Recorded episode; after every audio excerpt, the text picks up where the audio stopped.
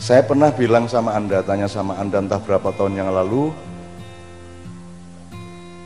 Indonesia itu melahirkan bangsanya atau bangsa ini melahirkan Indonesia? Jadi bapaknya yang mana? Indonesianya apa bangsanya? Bangsa melahirkan Indonesia. Oke. Lah bangsanya itu bangsa apa? Karena sekarang disebut bangsa Indonesia. Membingungkan enggak? Bangsa yang melahirkan bangsa yang melahirkan Indonesia itu sekarang menyebut dirinya bangsa Indonesia. Jadi Wak Karjo duwe anak jenenge ya Karjo. Kan gitu. Nah, bangsa yang melahirkan itu bangsa apa? Yang melahirkan Indonesia itu. Ah, itu pertanyaan tidak harus dijawab malam hari ini, cuman Anda harus terganggu oleh itu. Oke, saya teruskan. Indonesia umurnya berapa? 70 tahun. Betul? Bangsa yang melahirkannya berumur berapa? Pertanyaan yang tidak usah dijawab malam hari ini kalau kamu tidak mempertanyakannya berarti kamu tidak akan pernah mengenal siapa dirimu karena kamu tidak pernah mengenal asal usulmu. Yang namanya bangsa tadi yang melahirkan Indonesia itu dimulainya sejak kapan? Sejak abad 15 ke sejak abad 10 ke? Sejak abad 7 bareng sama kanjeng Nabi atau sejak kapan? Atau sejak Aji Soko? Atau sejak kapan? Itu nenek moyangmu kan? Jadi anda kenal nenek moyangmu apa tidak? Kalau manusia tertua sekarang kan sangiran gitu ya. Fosil tertua tapi juga ada yang lebih tua lagi di Jombang. Itu. Oke itu sudah dua pertanyaan yang kita belum bisa menjawab pada malam hari ini ya teman-teman sekalian ya.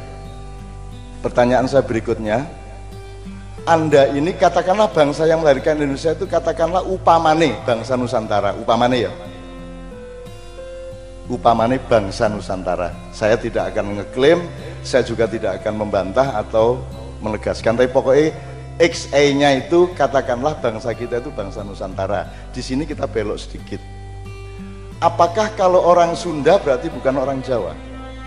Sejak kapan orang Sunda dan orang Jawa itu orang lain? Sejak kapan itu? Kalau kita tidak tahu berarti kita tidak mengerti diri kita, benar gak? Apakah kalau orang Palembang, orang Bengkulu, orang Bugis itu berarti bukan orang Sunda dan bukan orang Jawa? Sejak kapan? Oh, mungkin sejak tahun 2019 2028 ya. Yong Yava, Yong Ambon, Yong Yong apa lagi deh? Gue ki yo ora ngerti to wajan 1928 yo ora ngerti to wajan. Oke.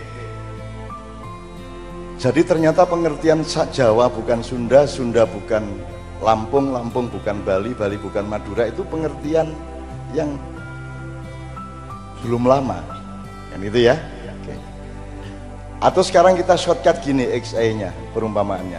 Anda adalah anak Nusantara yang diadopsi oleh Indonesia. Ngono ya?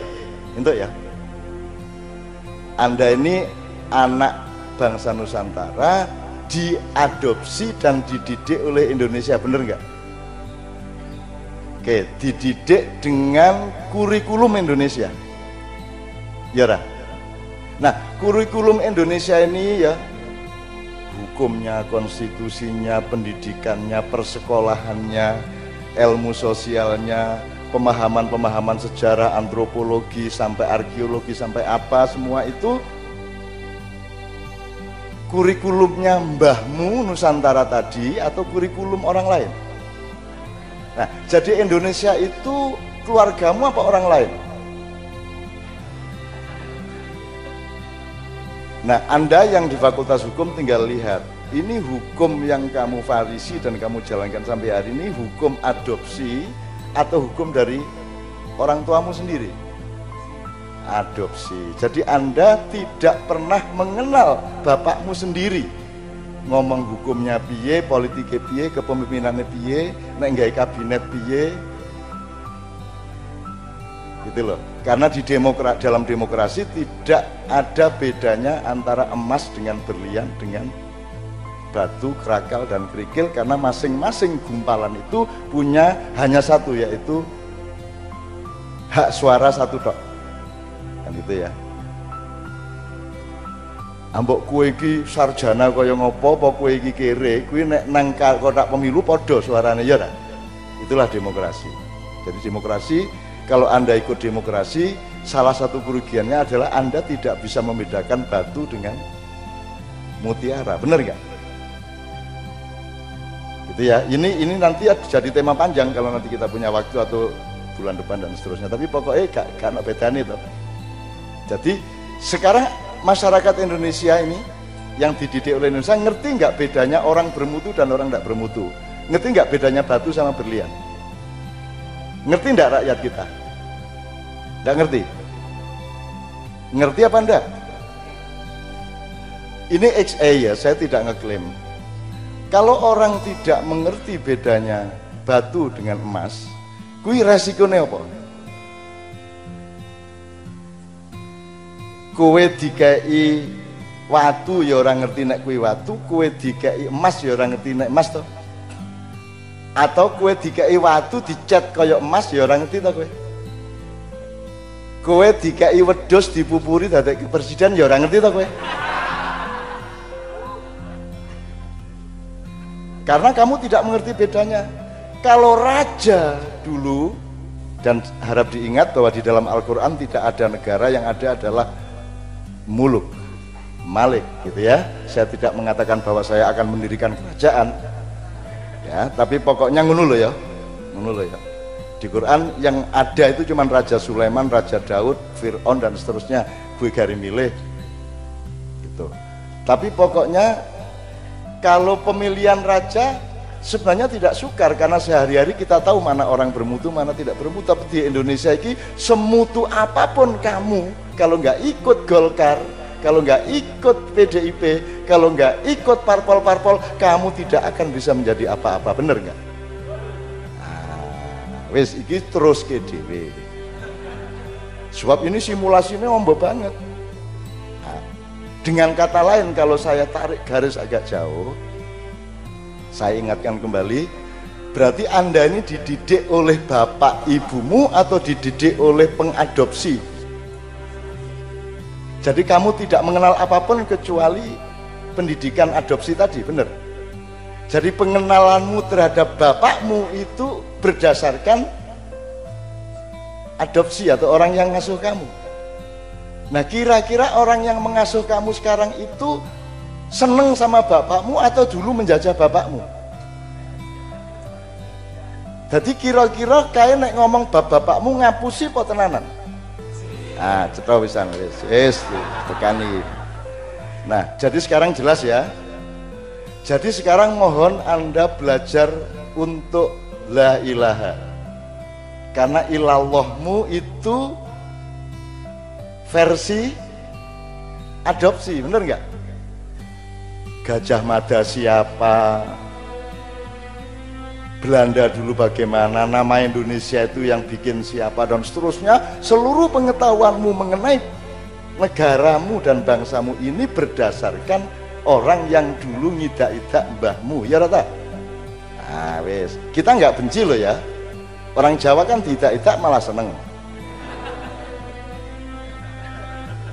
Loh, betapa tidak ada manusia sedahsyat manusia Indonesia. Aku tahu ketemu bocah lamongan ki nyambut gawe. Arab ki nek wis panas kan nganti 55 56 lho Mas. Derajat Celcius. Oh panas kaya ngono kae. Nyambut gawe tukang batu coba piye kuwi? Kuwi nek wong Bangladesh sudah diareng kuwi caca tahan itu tidak merubah mentalnya. Terus mereka siang istirahat satu dua jam ke Madinah ke masjid ketemu saya di masjid dan tidak terpengaruh mereka oleh kesengsaraan itu. Itu orang Indonesia. Padahal nyambut jani kaya ngono begitu ketemu is kaya pengajian NU kayak Masya Allah Allahumma sholli ala Muhammad. Kapan sampai tutup gini cak? Itu. Jadi kaya orang apa-apa tadi saya diceritain Cak Yus TKI kita di Malaysia itu pasang paving satu orang itu satu hektar. Ijen. Dan dia sudah menemukan momentum dan niatnya dan tenaganya dan dia bertekad 5 hektar tak selesaiin sendiri. Coba piye kuwi? Wis golek menungso ning Mars planet kono nek ana paving 5 hektar dikerjake ijen. Berarti menungin angin jadi menungin angin oke ya. Oke saya shortcut lagi. Jadi teman-teman sekalian sekarang kalau ibarat orang sholat ibarat hadas dan tidak hadas gitu ya najis dan tidak najis saya pendidikan adopsi tadi menurut kamu itu nek dirapoti ngono munggah kelas ora hmm? hukum di Indonesia pelaksanaannya nek dirapoti angka piro 0,00 piro meneh? Mbok ngene sisan 0,0,0,0 titik 000 pangkat 5 0 ya 0 kabeh gitu akar 0 gitu eh, ya ndak kalau nol ya ndak ya min lah begitu ya begitu ya.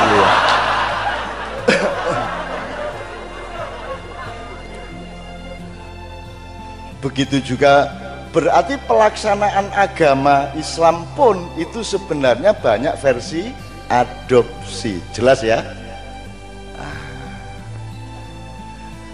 Kue kerengan siji NU di Muhammadiyah siji Sunni siji Syiah njur bar kuwi ana ISIS, ana sumu, ana wah segala macam. Itu semua versi pengadopsi, jelas ya. Nah, teman sekalian, anggaplah berarti ada yang tidak murni, ada yang kotor, ada yang bersifat manipulasi, ada dusta, ada sesuatu yang disembunyikan, ada sesuatu yang ditutupi, ada sesuatu yang tidak jujur misalnya ya. Kalau ibarat orang mau sholat itu berarti najis apa tidak? Hidup kita sebagai anak adopsi tadi najis apa tidak? Najis hukum najis ekonomi ya toh? Ah, coba saiki nek kowe maca nek kowe ndelok RCTI apa MNC iki ana tokoh anyar. Kuwi sekolah langit langsung pidato. Saudara-saudara supaya Indonesia bisa menjadi negara maju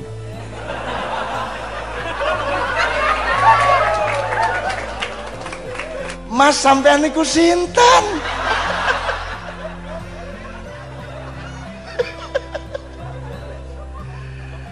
Hei, sing takon iki lho sapa, he? Nek oleh arek Jawa Timur ngono iku. Kon niku lho sapa meneng-meneng ngomong ngono iku lho sapa? Iku Indonesia iki ya apa sih? Lha ngono iku lho. Bapak adopsimu iku kaya ngono kuwi. Nah, aku njaluk saiki ayo mulai nyedak air suci. Ya bener jadi nek ibarat kowe iki wudu selama ana republik iki wudumu nganggo maul mustakmal atau maul kudus? Mustakmal. Dadi janjane salatmu iki rada medeni. Terus malaikat ele mustakmal. Ra ra. Tur ora ming mustakmal ora ming wis tau digawe wudu campur tai campur apa meneh Mas tletong campur karo-karan wis. Campur keringet daki patek segala macam. Banyune kuwi sing kok nggo wudu. Maka ini akan begini terus apa Indonesia? Apa tidak ada jangkanya? Apa tidak ada periodenya? Tidak ada kolomongsonya saya ingin mengatakan kepada anda ada kolomongsonya makanya sekarang itu anda harus siap untuk bersuci. Wis saiki dadiya wong sing wudu meneh anak-anak Nusantara kamu diberi najis-najis oleh Indonesia mulai tahun ini anda harus bersuci. Pikiranmu disucikan hatimu disuci iki jane kalau sepak kalau main sepak bola harus sportif.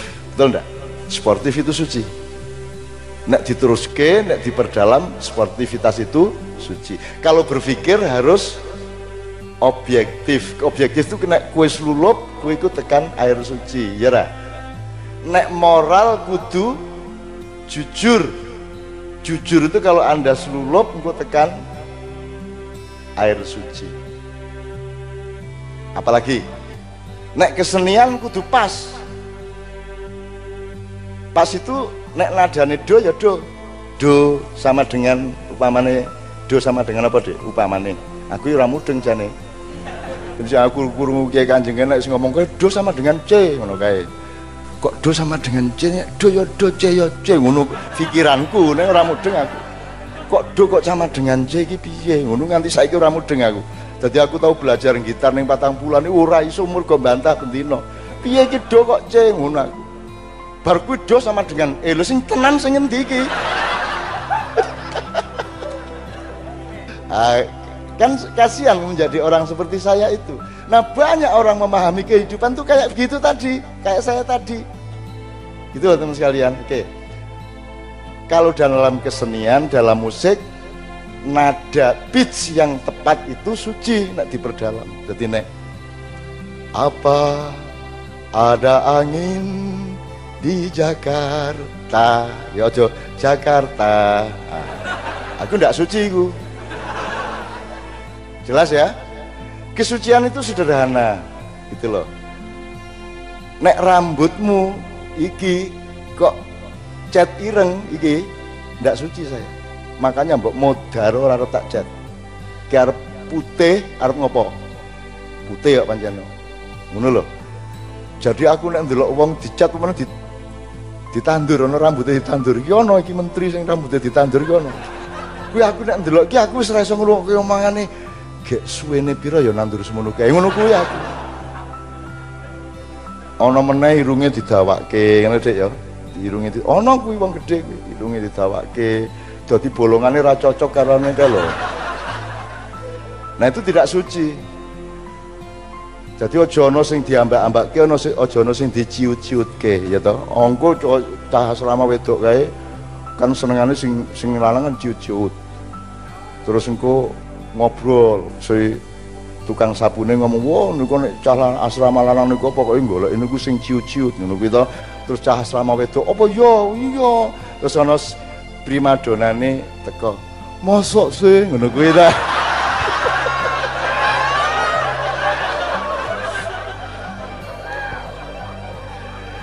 ikulaan nih ikulaan lha iki lho melu guyu iki lho guyu iki lho Rapa ya?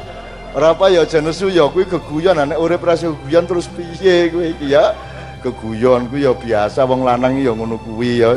Kalau hidup tidak ada begitunya berarti tidak ada bau busuknya, ya toh? Hidup itu bau busuk itulah sebabnya Rasulullah menganjurkan kita pakai wangi-wangian karena pada hakikatnya kita itu busuk, betul enggak? Itu dan akan membusuk nanti begitu Allah mencabut nyawa kita. Jadi mari kita belajar untuk menerima kebusukan kita apa adanya. Ya ra, ya ra. Wis to angel to nek bantah mak iya ya angel. Oke, bismillah. Oke. Jadi teman-teman sekalian, kan tadi intinya ayo belajar mendekati air suci. Mulai wudhu tadi mengenal yang suci, mengenal yang orisinil. Sejarahnya nanti belajar mengenai Nusantara itu pelan-pelan ya. Saya tadi bilang Anda segera berwudhu karena 10 tahun lagi ya Anda akan berperan dan Anda sudah harus menjadi sebagaimana kemuliaan-kemuliaan dahulu kala. Ora suwe. Ya insya Allah ya. Wis saiki umurmu piro? 27. Wah, tolong polop itu kan wis iso dirjen. Ojo GR ora njur kowe. Aku ndutung ngene iki ya ming ming mergo sing ngarep kowe ning janjane karep kuwi sing ning kono gitu. Tapi pokoknya ayo disucikan sekarang. Nah, salah satu belajar kesucian itu di samping ibadah resmi mahdoh itu juga kalau Anda melihat daun, Anda Anda merasakan udara, Anda melihat matahari, itu Anda harus punya kesadaran untuk menemukan sucinya. Bedanya binatang sama Anda adalah binatang lebih suci daripada Anda karena binatang tidak pernah melanggar Tuhan, binatang, binatang tidak tidak urusan sama surga neraka. Anda yang harus mengenali suci itu, kan gitu. Oke ya. Nah, menulis puisi tidak bisa bohong. Ya. Tidak bisa. Menyanyi tidak bisa bohong. Artinya naik pian doremi ya doremi. Orang iso ngapusi. Sementara di luar kesenian kan sangat mudah untuk bohong gitu ya. Seperti yang kemarin saya bilang misalnya kue nganggu motor nganggu lagi motor ki nganggu lampu nek awan toh. Itu kan ya saya tidak mengatakan itu tidak suci tapi nek neng Korea ki motor kan paling 5% banyaknya sehingga mobil tuh kalau ketemu motor gugup maka motor harus menyalakan lampu karena mayoritasnya mobil lah niki niki mayoritasnya apa motor eh ini kabeh nek awan. Oke kalau ini anda belum nge gini loh. Kalau di Amerika di Australia mayoritas orang itu bukan orang Islam. Maka asumsi dasarnya adalah makanan di Eropa atau di Australia itu haram karena kebanyakan bukan orang Islam. Di situlah dibutuhkan makanan yang ada sertifikasi halal. Menurut aku ini karena mayoritasnya haram. Indonesia mayoritasnya wong Islam. Asumsi dasarnya semua makanan itu halal, maka dibutuhkan sertifikasi haram. Ngunu jadi ngerti ya jadi teman sekalian aku njaluk saiki ayo mulai nyedak air suci